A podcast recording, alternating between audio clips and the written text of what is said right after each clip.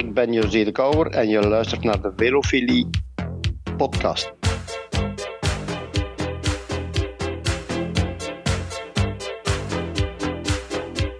Ik ben Peter Winnen en je luistert naar de Velofilie podcast.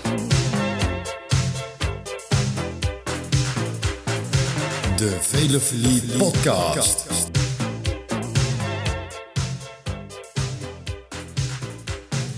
Goedemorgen, middag en avond, beste wielenvrienden en vriendinnen. Welkom bij weer een nieuwe aflevering van de Velofilie podcast.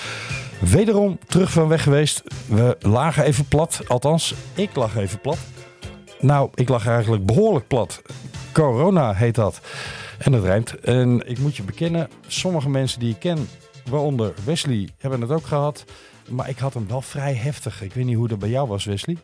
Nou ja, ik heb uh, anderhalve week 40 graden koorts gehad. Dus uh, ja, ik, ja. had ook, ik had hem ook heftig. Ja, ja en, dan, en dan ken jij vast ook wel van die mensen die zeiden: joh, ik, ik heb echt nergens last van gehad. Ja, helaas. En eigenlijk, het zijn hele goede vrienden van mij die dat hebben. nu nog? Uh, en eigenlijk gun ik ze heel veel slechts toe dan.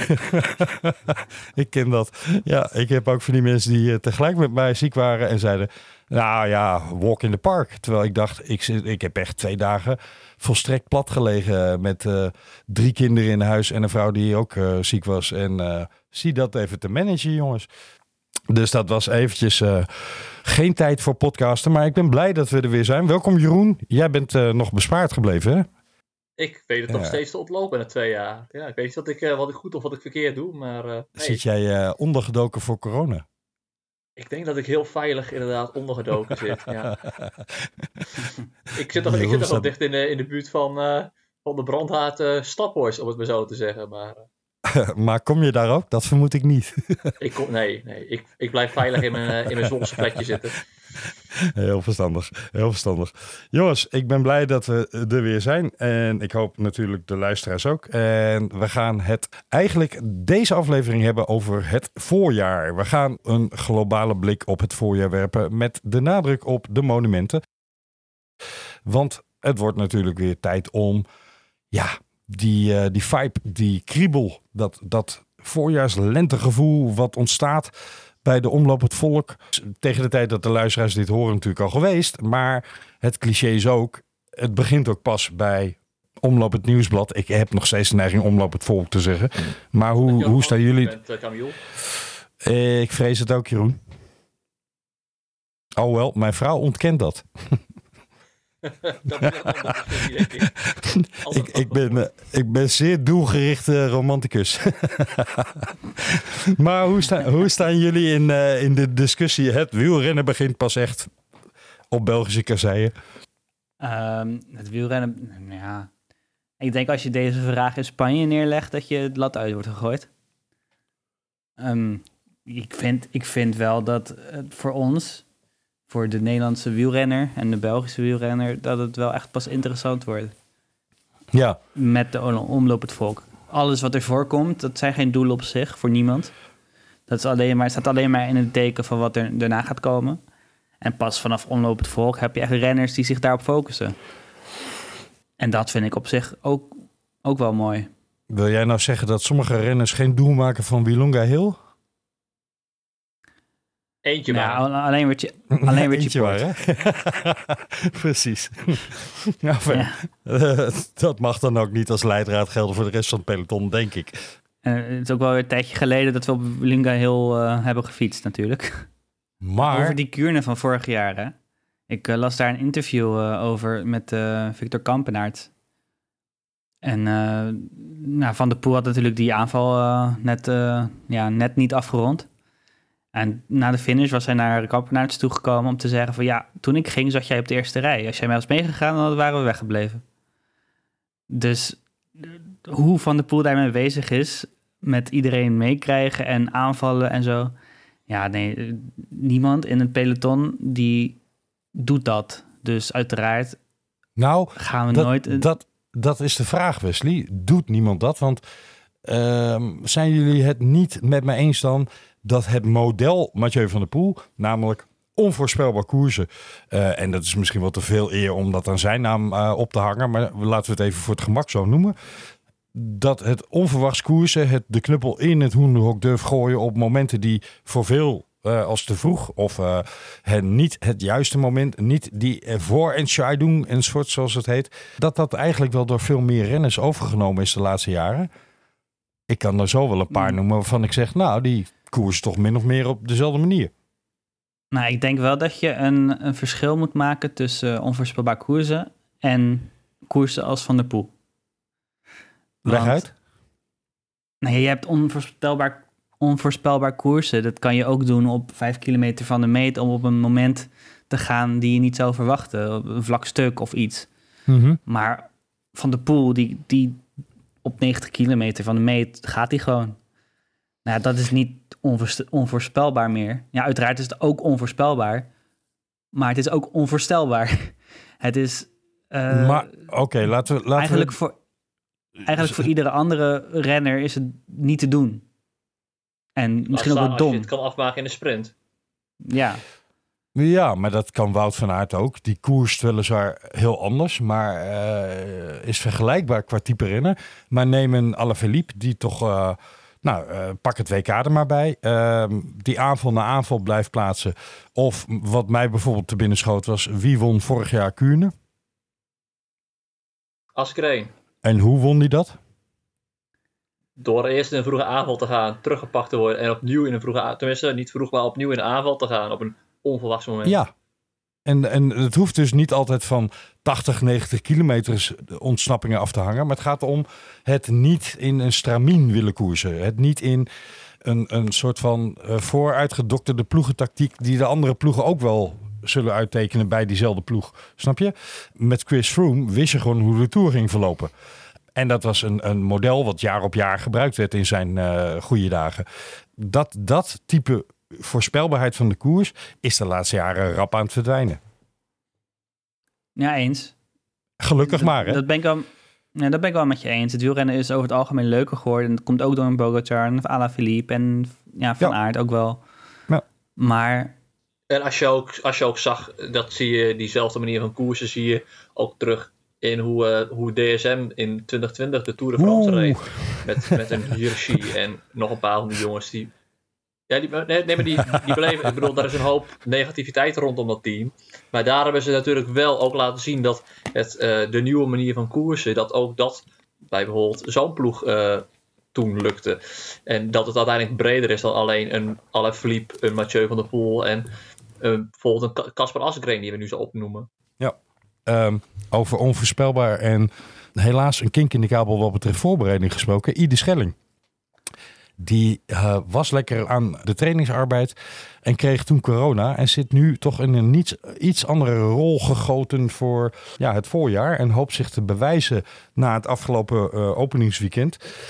En heeft ja, minder de vrijheid nu, doordat hij wat trainingsarbeid achterstand heeft, dan dat hij vorig jaar had.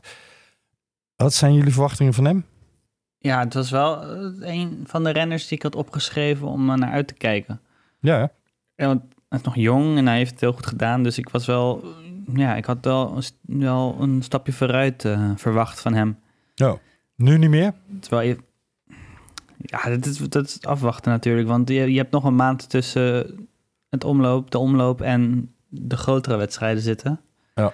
Dus daar kan eigenlijk nou, nog wel heel veel ik, gewonnen worden. Ik wil een beetje vastklampen aan het idee, zoals Casper Asgreen, die heeft ook Volgens mij heeft hij eind januari heeft hij COVID opgelopen. Algarve was hij iets minder. Um, en die heeft ook aangegeven: goh, ik heb het wel zwaar te pakken gehad, maar niet heel erg zwaar. En ik heb gewoon vooral, ik heb vooral een trainingsachterstand van één of twee weken ten opzichte van dat eigenlijke plan. Ik verwacht een beetje dat ieder Schelling een vergelijkbaar iets heeft. Die is natuurlijk wel een klasse minder dan Asgreen is.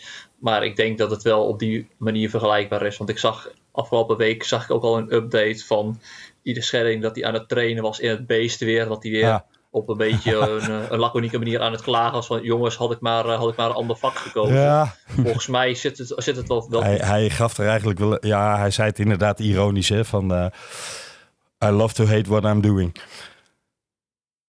Precies, dus volgens mij op die manier, als je dat soort, dat soort dingen op social media post, dan zit het volgens mij ook in je hoofd wel, wel heel goed. En dan weet je volgens mij ook, dan heb je wel het vertrouwen als renner, denk ik, dat het nog wel goed komt. En wat Wesley zegt, de, de piekmomenten die liggen ook nog weken verderop. Haagse bluff, Jeroen. Haagse bluff. Maar ik ben wel benieuwd. Nou, ik zie het graag bij, bij ieder scheiding. Ik ben wel benieuwd wat hij kan. Ik heb vorig jaar, voorjaar heel erg van hem genoten. En in de Tour was hij ook natuurlijk lekker bezig met die bolletstrui in het begin. Dat ik dacht, ja, hier maakt hij wel stappen mee. Dit is wel, het is een cliché, maar door zo'n grote ronde te rijden... maak je wel groei in je inhoud mee. En uh, ja, daar, daar was hij lekker bezig. Dus ik had goede en hoge verwachtingen van het voorjaar. Ben heel benieuwd hoe dat nu gaat. En of hij inderdaad dat model Askreen, zullen we het maar even zo noemen, dan, uh, dan kan navolgen. Gaan we onze ogen opgericht blijven houden dit voorjaar. Jongens. Dat gaat, dat gaat natuurlijk bij hem wel vrij goed ook, omdat hij een van de weinige coureurs is die zonder bril rijdt. Altijd. ja, dat is, dat is ook een bewust iets volgens mij. En dat is misschien een totale zijstap in, in dit hele verhaal. Alleen dat maakt het wel dat hij ook herkenbaar en toegankelijk is. Dat mensen als ze op de fiets zitten, tenminste als je televisie kijkt en je ziet hem voorbij komen, hij is altijd die renner van Bora zonder bril. En je hij heeft ook een guitige kop, dus volgens mij je herkent hem wel vrij makkelijk. Ik zou bijna de zijstraat ingedoken zijn van hoe vinden we de tenues, maar dat gaan we even overslaan. Uh, maar Bora is wel redelijk herkenbaar uh, met dat groen van ze dit jaar. Uh, en dit helpt inderdaad ook aan, aan, het herkennen van ieder Schelling. Even een kleine zijstraat die ik wel inga, want even de huiskamervraag aan jullie gericht. Wie is er eigenlijk ooit begonnen met die zonnebrillen? Althans, wie heeft het groot gemaakt? Laat ik het zo zeggen. En Cipollini? Denk even terug aan onze serie die nog niet geëindigd is, beste luisteraars. Wij gaan nog deel 2 en deel 3 posten van uh, de mooiste grote ronde ooit. Die komen er nog aan, maar denk je daar even aan terug, jongens. Welke Amerikaan was de eerste die een dikke Oakley op zijn uh, snuffert zette? Oh ja, dat moet natuurlijk wel Lance Armstrong zijn. Dat kan mij. Nee joh! Nee, nee, nee, nee, natuurlijk niet. Dat moet Greg LeMond zijn. ik, dacht, ik, dacht, ik dacht echt even dat je hem meende, Jeroen. Heel goed. Nee, nee, nee zeker Tuurlijk. niet. Zeker niet. Nee. Die trend begon in de jaren tachtig met uh, gesponsorde brillen op je neus. En uh, dat is ook de reden waarom veel renners met zo'n bril rijden. Dat je denkt, daar helpt er niet al die modder op je, op je, op je bril. Maar uh, modder in je ogen is ook niet fijn, kan ik je vertellen. Milan Sanremo, Jeroen. Start voor het eerst ergens. Ja, in het prachtige velodroom van Milaan. En daar uh, zijn al vele roemruchte zesdaagses uh, gereden, heb ik me laten vertellen, heb ik ingelezen. Uh, van... Ja, het is, als, jij, als jij het googelt, dan, dan kom je echt waanzinnige plaatjes tegen. Als je googelt op het Maspes Figorelli velodroom, ja, daar zie je fantastische foto's. Vooral zwart-wit foto's die doen vermoeden dat het een beetje harker gaat worden. Alleen als je de, de foto ziet van hoe het nu is geworden. Volgens mij is dat een waanzinnige locatie waar, uh, waar vandaan ze gaan starten. Dus volgens mij, uh, dan is het wel een hele lange zit. Maar volgens mij, ik denk dat Eurosport hem ook volledig uitzendt. Dus nou, dan kan je ochtends om vijf uur al de televisie aanzetten. En dan kan jij dus nog het, uh, het velodroom uh, van, van Milaan zien. Buongiorno! Hele, als jij die hele wedstrijd gaat kijken, dan, dan heb je echt een ongelofelijke hekel aan je vrouw. Dat kan niet anders. Uh, of geen vrouw. Of daarna geen vrouw meer. Dat kan ook. Ja, zoiets. die heeft in ieder geval de tijd. Ja, je kan ook de start Die heeft in ieder geval de tijd om tijdens de koers een... al haar spullen te pakken en ongemerkt weg te glippen. Want uh, het duurt lang genoeg. nee, mooi. mooie, Italië voor tussendoor kan je nog je nacht slaap inhalen. Mooie startlocatie, jongens. En um, waar kennen wij die naam van? Het Figorelli? Heeft Wesley als Rotterdammer natuurlijk. Dat is iets met hardcore, zei, uh, zei je? Of zo? Of? Nee, nee, nee. Daar, uh, daar fietst een, uh, het is een fietsenmerk. En daar fietst oh, ja. een, een be bekende Rotterdammer fiets daarop. Oh, Genaamd. Ja, ja de poeh, van Holland Spoor zei je net. Hoe heet hij nou? Wilfried de Jong. Ja, ja. Volgens mij is Wilfried hem zelfs in Italië gaan ophalen. Zijn handgemaakte stalen frames en... Uh, misschien loop ik nu onzin uit de kraam. Beste luisteraars, corrigeer mij als ik het verkeerd heb.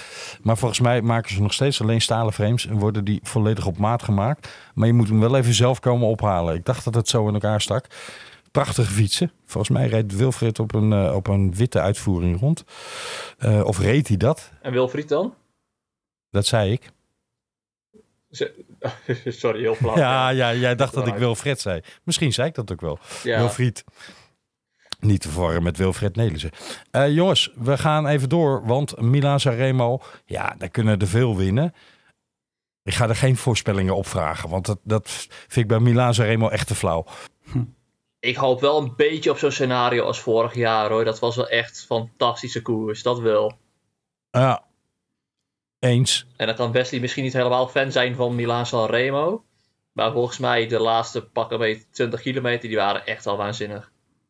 Ik denk dat eh Jappe Stuyven nog steeds heel blij is met eh, een bepaalde jump naar hem toe. En, en, en, en, Kracht en 200 meter kopwerk, waarvan ik nog steeds denk, waarom dan? Het is onbegrijpelijk. Maar dat heb ik wel meer gezien al dit voorjaar. In eh, het Midden-Oosten enzovoort. Dat ik denk, waarom dan? Er wordt af en toe wel op een manier gekoerst dat je denkt, er wordt weinig nagedacht over tactiek. Chris Harper. Astana, bijvoorbeeld. Ja, ja, dat ook. Ja, dat heb je van de Rode Lantaarn gestolen waarschijnlijk. Eh, nee, Niet? Oh. Nee. Nou ja, of tenminste, het YouTube-kanaal dat een hele, een hele, hele rant over uh, tactiek van Astana. Dat vond ik wel mooi om te zien. Oh, serieus? Ja, terecht. Overigens. Ja, ja. Ja, nou ja, de, Jeroen, eh, Astana zat mee in de kopgroep. Miguel Angel Lopez en eh Lutsenko. En de, Hebben we het dan over Ruta del Sol toevallig? Nee, het was, eh, was het UAE of was het... die nee, nee, het was Ruta del Sol, geloof ik. Ah, Of Valencia. Valencia was het, ja. Dat was het. Ja, Valencia, ja, ja. Nou ja, en de... eh, wie had de gele trui? Kovi? Die zat, die zat niet mee in de kopgroep. Dus Miguel Angel Lopez reed eh, virtueel in het geel. Dus dan denk je, nou, dat gaan we verdedigen. Toch? Zeker. Maar, Dat lijkt me logisch. ja, Ja. maar dat gebeurde niet. Lutsenko, die ging gewoon heel de tijd aanvallen. En Lutsenko kreeg Wout Poels mee. Ja. En Wout Poels stond maar op een enkele seconde van eh, Miguel Angel Lopez. Wat doet Lutsenko? Die rijdt gewoon met Wout Poels mee. Vervolgens, in de sprint, verliest Lutsenko het van Wout Poels. Pakt Wout Poels het geel. En heeft Asana helemaal niks. Terwijl als ze gewoon, Dan is de, ja... Als ze het wel hadden verdedigd, dan hadden ze echt... Ja, het sloeg helemaal nergens op. De vraag is... dan is het trouwens wel de Ruta del Sol. Oké, Wel rot... Ja, oké. Ja, die heeft, die, die heeft Wout Poels ge- gewonnen. Nee. Maar het klinkt, het klinkt wel als je de tactiek zo beschrijft. Ik heb alleen de uitslag gezien dat, eh dat Wout Poels Ruta del Sol heeft gewonnen op eh, Pro Cycling Stats. Maar als ik dit, dit al zo hoor qua tactiek, dat, zit, dat is wel weer echt... eh, eh, heeft eh, Lopez heeft hij wat ploegtactiek van Movistar meegenomen? nou ik wilde net Ja. zeggen, de vraag is, hangt dit niet bij Lopez aan zijn broek? Want die heeft dit overal waar hij rijdt. Gekkigheid gewoon. Maar we dwalen een beetje af van eh, het, de focus naar de monumenten die we willen leggen. Ronde van Vlaanderen en Parijs-Roubaix. Ik heb eigenlijk, jongens, één naam in mijn hoofd zitten waarvan ik denk... dat wordt hem wel hoor, dit voorjaar. Dat wordt de grote man. En dan mogen jullie raden wie dat is. Pogacar? Nee. Asgreen, Nee, het begint wel met een P overigens. Poels. Pustelberger. Nee, ook niet. Eh, nou, vertel het, Camille, want... eh, Wat dachten jullie, wat dachten jullie van Tom Pitcock? Oh ja. Ja, dat zou best wel eens kunnen, ja. Die was wel heel sterk in het, eh, in het veld rijden. Hmm. En die, eh, toen hij eh, van de winter aankondigde dat hij een aantal grote doelen had, waaronder wereldkampioen veldrijden, wereldkampioen op de weg. En, wat zei die, Parijs-Roubaix volgens mij, hè? Als doel Ja. da- dacht ik, wat een kleine arrogante klootzak is het toch ook? Maar ik vrees wel dat hij eh, reële doelen uitspreekt. Sanremo vraagt hem ernstig af. Dat denk ik niet. Hij heeft wel echt een hele pittige sprint in zijn benen, hoor. Dat, dat Mhm. neig je te onderschatten. Maar Vraag maar aan Wout van Aert. Ja, maar dat is echt, hij is nog wel een stukje sneller dan Alain Philippe. Ja, maar Oh, bij de snelheid legt het hem ook niet aan. Maar dat ik zeg, eh Sanremo twijfel, eh, ik bedoel, eh Roubaix daar twijfel ik over. Dat is vooral omdat daar eigenlijk altijd de, de grote, zware jongens Ah. winnen. En Je zei, Pitcock, je zei, is, je zei Sanremo twijfel Ja. over. Dus, ik dat zei, werkt nogal verwarrend, Jeroen. ja. Nee, ik zei Sanremo, ik, ik wil hem corrigeren naar Roubaix. Ik hoop dat dat de opname Stop haalt. de tijd. Jeroen Maar- zet een joker in. Ja, nee, daar ben ik het met je eens. ik denk, ik denk dat Roubaix, dat, dat, dat Pitcock daar domweg gewoon een kilo of 15 te licht voor is. Momenteel, laat ik het dan zo zeggen. Misschien dat hij het ooit wel kan redden, maar ik denk nu, hoe, hoe groot is hij? 1,65. Het is een soort van Lionel Messi op de fiets, zeg maar. Hmm. Nou, we hebben toch wel meer lichtgewichten de laatste jaren in Roubaix. Hè? Als het eh, zoals vorig jaar wordt met modder en water en regen en weet ik veel, dan is het een ander verhaal. Maar een droge Roubaix, daar hebben we wel meer eh vlieggewichten zien rondstuiteren op de goede manier. En trouwens, Ja, nee. Als iemand het kan, dan eh, is Pitcock het wel. Ja, dat wou ik zeggen. Die, die heeft me wel op, op andere vlakken ook verbaasd. Eh, dat geldt een beetje, ja, ik noem dat dan maar even het model Evenepoel. Dat is ook zo'n mannetje waarvan je denkt, waar haalt hij dan die power uit zijn benen vandaan, joh? Maar het zit er wel. Evenepoel kan, denk je dat Evenepoel kan tijdrijden? ja, Dat is- precies. Dat, dat is niet normaal. Alleen met hoge sokken. ja, maar die rijdt gewoon, gewoon echt goede tijdrijders op meer dan een minuut, hè? Hij heeft trouwens de tijdrit van in de Algarve. Daar zat hij volgens mij qua waardes, heeft hij in de buurt gezeten. Zat hij ongeveer op het niveau dat hij, eh, dat hij ook haalde toen hij derde werd op het WK. En het is dan nog maar in begin februari. Mhm. Ja, Tom zat daar nog niet helemaal. Kan ik je vertellen. Tom Dumoulin. Maar even terug naar eh, de, eh, de, de, de, de hoofdmoot van dit voorjaar, namelijk de monumenten. En dan eh, heb ik het even over de kassei-monumenten. Hebben jullie een grote favoriet of zeggen jullie het speelveld is enorm open? Ik denk wel dat Van Aert deze, dit voorjaar zonder Van der Poel echt... En ook met zijn versterkte team natuurlijk. Christophe Laporte, Ties Benoot, van der Sande. Een goede Teunissen waarschijnlijk. Dat Van Aert echt gaat imponeren. Hij, heeft, hij legt nu ook zijn piek een stuk later. De voorgaande seizoenen wilde hij altijd al echt in topvorm zijn eh, Ja. tijdens Strade Bianca. Dat, dat, dat is nu vanaf twee weken later. Hij rijdt Hij heeft meer duurwerk gedaan hè, eh, als voorbereiding. Ja, Ja. en ik denk echt dat het een goede beslissing is. Eh, En in combinatie met het versterkte team, want daar ontbrak het ook wel echt aan in de Kassei Klassiekers bij Jumbo-Visma de laatste jaren. Ik denk dat eh, ja, alleen Askreen kan Van Aert volgen en Pitcock natuurlijk. Maar ja, ik denk Oh. echt wel dat we Van Aert minimaal een monument gaat winnen. Jij zegt, er zijn maar twee mannen, Pitcock en Askreen, die eh, als Mathieu niet op de fiets zit, die Wout kunnen volgen, Wout van Aert kunnen volgen in de Ronde van Vlaanderen, in Parijs-Roubaix. Noem het maar. Ik denk als we de beste van Aert krijgen, zoals we die hadden toen hij Strade Bianca won, Mhm. Dan denk ik niet dat er heel veel renners dan die twee bij hem in de buurt kunnen komen. Althans, Pogacar gaat de Ronde van Vlaanderen rijden. Bijvoorbeeld.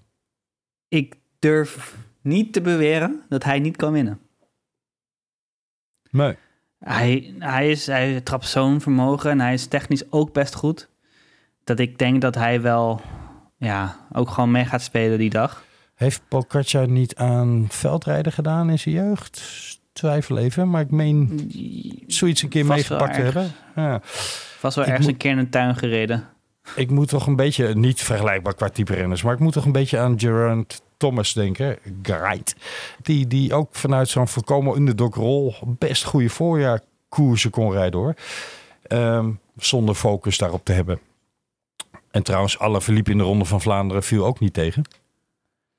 Nee, zeker niet. Maar dan is Pogacar nog wel een stuk explosiever dan een Jaron Thomas natuurlijk. Zeker. Dus ja, ik, ben, ik vind het op, oprecht leuk dat Pogacar gewoon eh, denkt van... Hey, de Ronde van Vlaanderen, die pak ik mee. Mooie koers om te rijden. Ik wil ook nog even een naam inbrengen Wacht voor, even, Jeroen. voor de top Wacht, 5. wacht even, ik ga je onderbreken. Want ik, eh, voordat we afdwalen, ik wil heel even op eh, Jumbo-Visma nog ehm, jullie interpretatie van het volgende, wat ik jullie ga voorleggen, vragen. Ehm Ties Benoot aan eh, de ploeg toegevoegd en Christophe Laporte. Met Laporte hebben ze min of meer een man met inhoud en redelijk rappe benen. En zou je kunnen zeggen, kan Van Aert een veel meer afwachtende rol gaan spelen in de koers. Want ze hebben immers eh, naast zijn eigen eindschot nu nog een, een, een troef in het vuur, hè, wat dat betreft. Maar met Benoot hebben ze weer een man die vroeg in de aanval kan. Wordt dat, wordt dat simpeler qua tactiek? Of moeten die twee mannen gewoon keihard de ballen afdraaien... omdat Van Aert hoe dan ook de nummer één in uit te spelen tactiek is? Nou, qua, qua tactiek wordt het sowieso niet Ik- simpeler. Want de tactiek hiervoor was... probeer zo lang mogelijk bij Van Aert te blijven... en probeer hem te helpen en dan zien we wel. Ja. Dus dat, dat was best simpel als tactiek. Dus nu wordt het nu... wo- Wordt, is er echt sprake van een ta- tactiek die je moet verzinnen. Want ik zie een Benoot en een eh, Laporte en een goede Teunissen ook gewoon meespelen. Mhm. Dus dan moet je inderdaad gaan nadenken. Dan denk ik wel dat een Laporte dat hij meer een, streepje voor heeft op bijvoorbeeld een Benoot.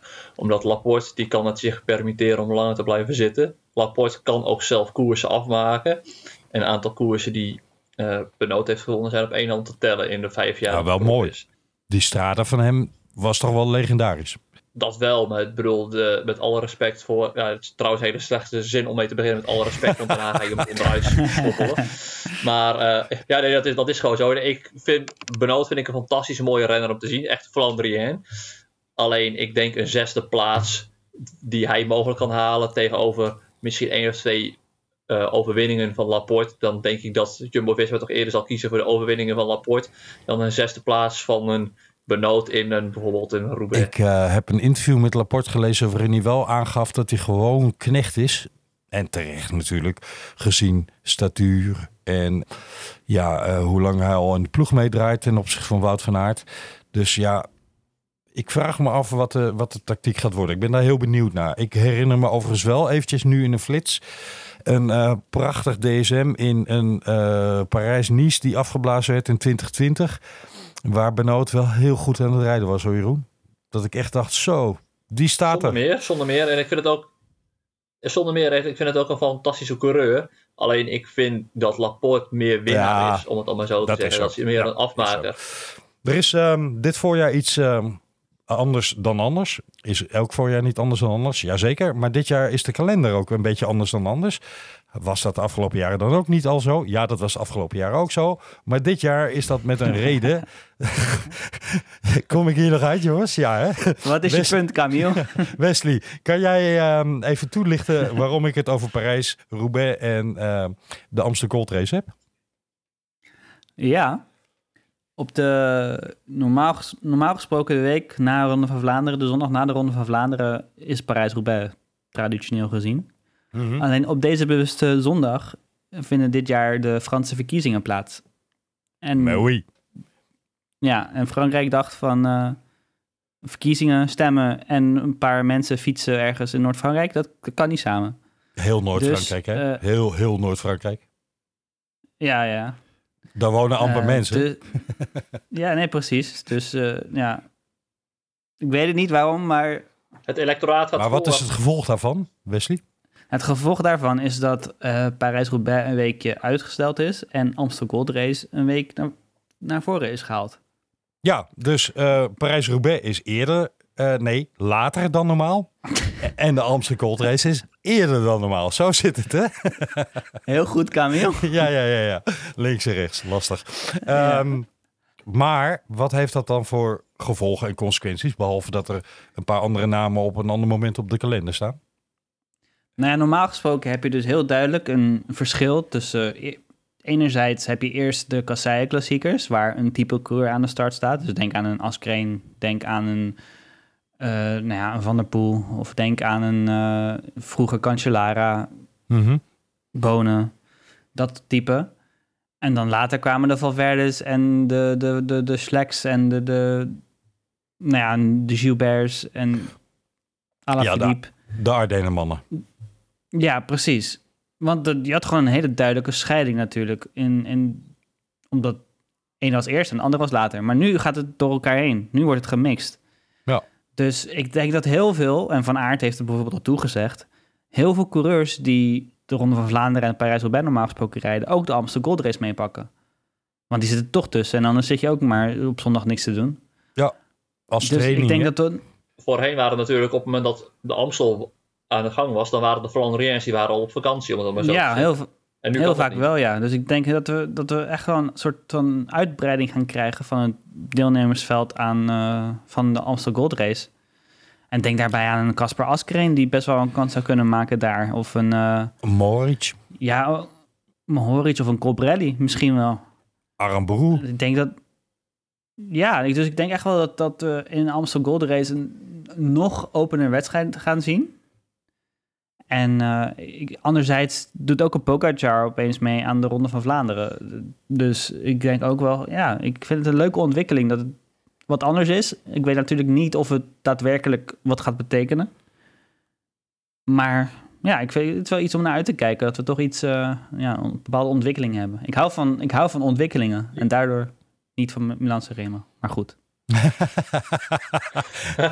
Dat het zou bijna de cirkel rond zijn, waar het niet dat ik nog wel Ja. even door wil. Ehm, Ik denk trouwens wel, als ik me even verder kan oppakken, dat er op deze manier zit in april zitten, zitten gewoon iets meer verschillende koerstypes door elkaar heen dynamiek. Ja. Omdat je hebt de.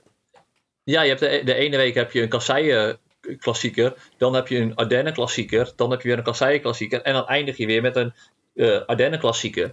Waardoor je dus veel meer, het loopt veel meer door Je elkaar zou heen. bijna denken dat dat eh, op maat gegoten wordt voor Wout van Aert.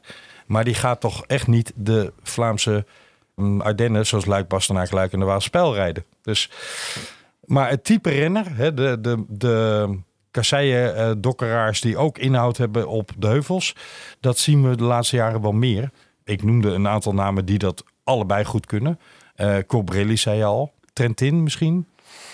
Dat is Eh, prima, ja. Dylan Dylan. Koski. Ja, zeker als die nog eh, weer op niveau komt. Want die heb ik er toch wel hard zien afwapperen in, eh, in het Midden-Oosten. Ehm daar zijn meerdere... Eh, Ties Ook allemaal Ties. Benoot heeft al toegezegd dat hij alles gaat rijden. hè. Alle Parijs-Roubaix, Ronde van Vlaanderen, Amstel Gold Race, Waalspel, Luik, Bastenaken, Luik. Die gaat gewoon alles meepakken. Shit, wie- daar ging mijn Scorito Weet je wie ook? Ja, Jeroen? Lutsenko gaat ook alles rijden. Ja, die eh, heb ik bewust niet genoemd. Want die wilde ik lijk- lekker buiten beeld houden. Maar tegen de tijd dat mensen dit Sorry. horen... zijn de poeltjes toch al gesloten. Dus ja, dat maakt niet uit. Weet je wie eh, hopelijk nu echt... Want zoals jullie wellicht weten ben ik geen fan.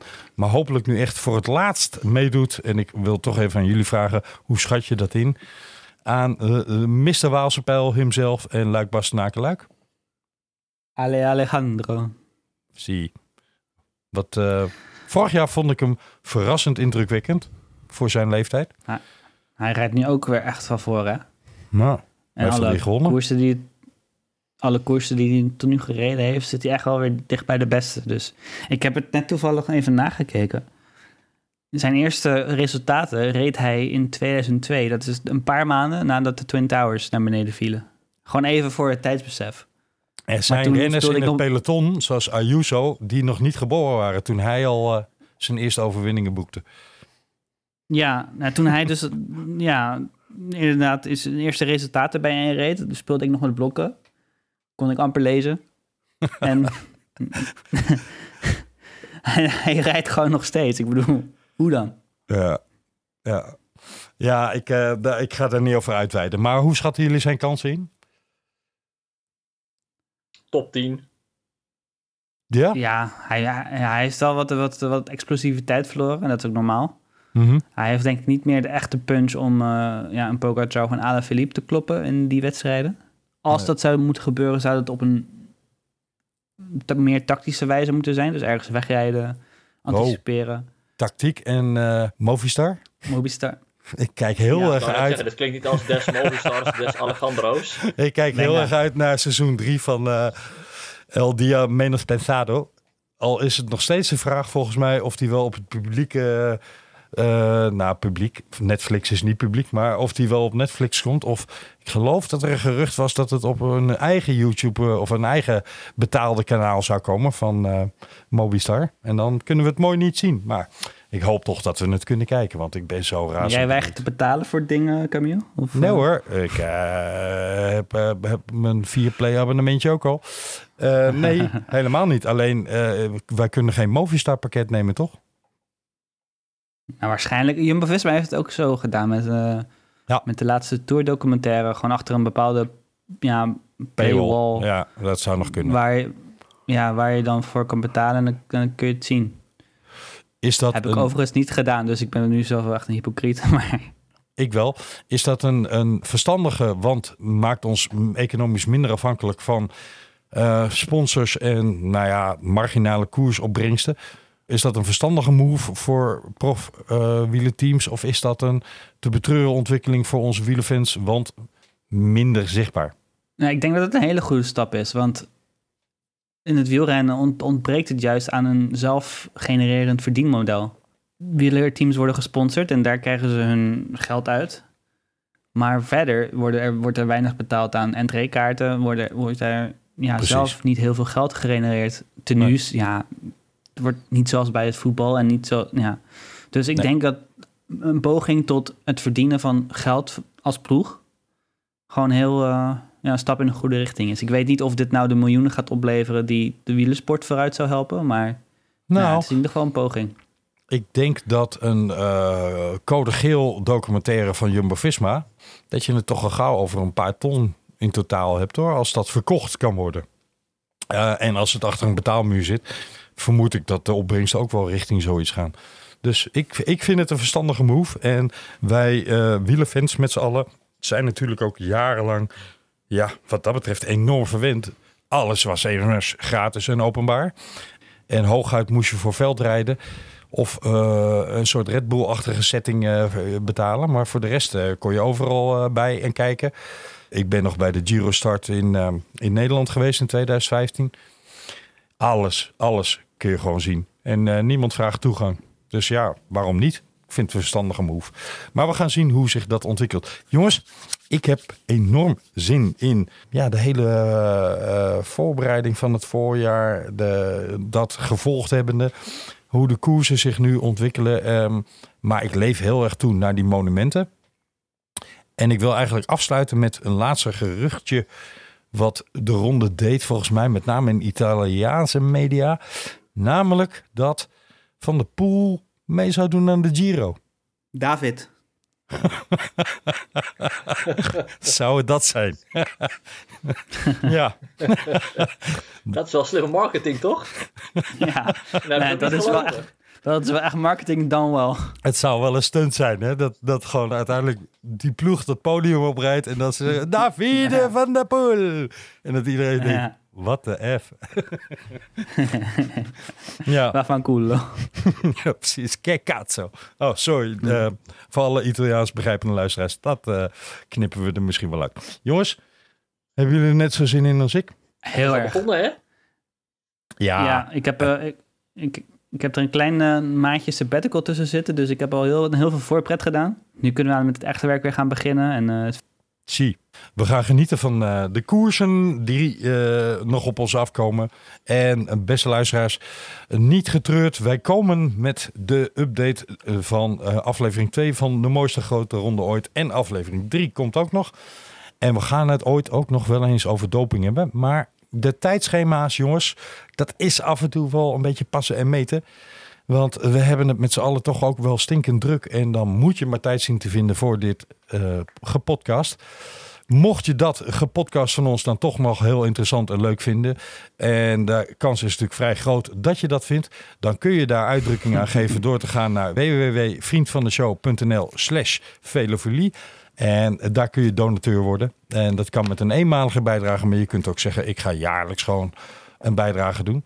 En dat helpt ons wel om een klein beetje tijd in te ruimen. Zodat we wat minder dozen hoeven te sjouwen. Kids hoeven bezig te houden. En eh, de gemeente Rotterdam op, op hem hoeven te tuigen. En eh, ja, daar zouden we dankbaar voor zijn. Jullie? zeker, ja, alles is welkom. Misschien kunnen we dan ook weer wat prijsvraagjes doen eh, voor een leuk flash. Exactement. Jeroen, thanks. Yes, tot de volgende aflevering. Wesley, thanks. Prego. En eh, we zijn er snel weer. Ciao, ciao.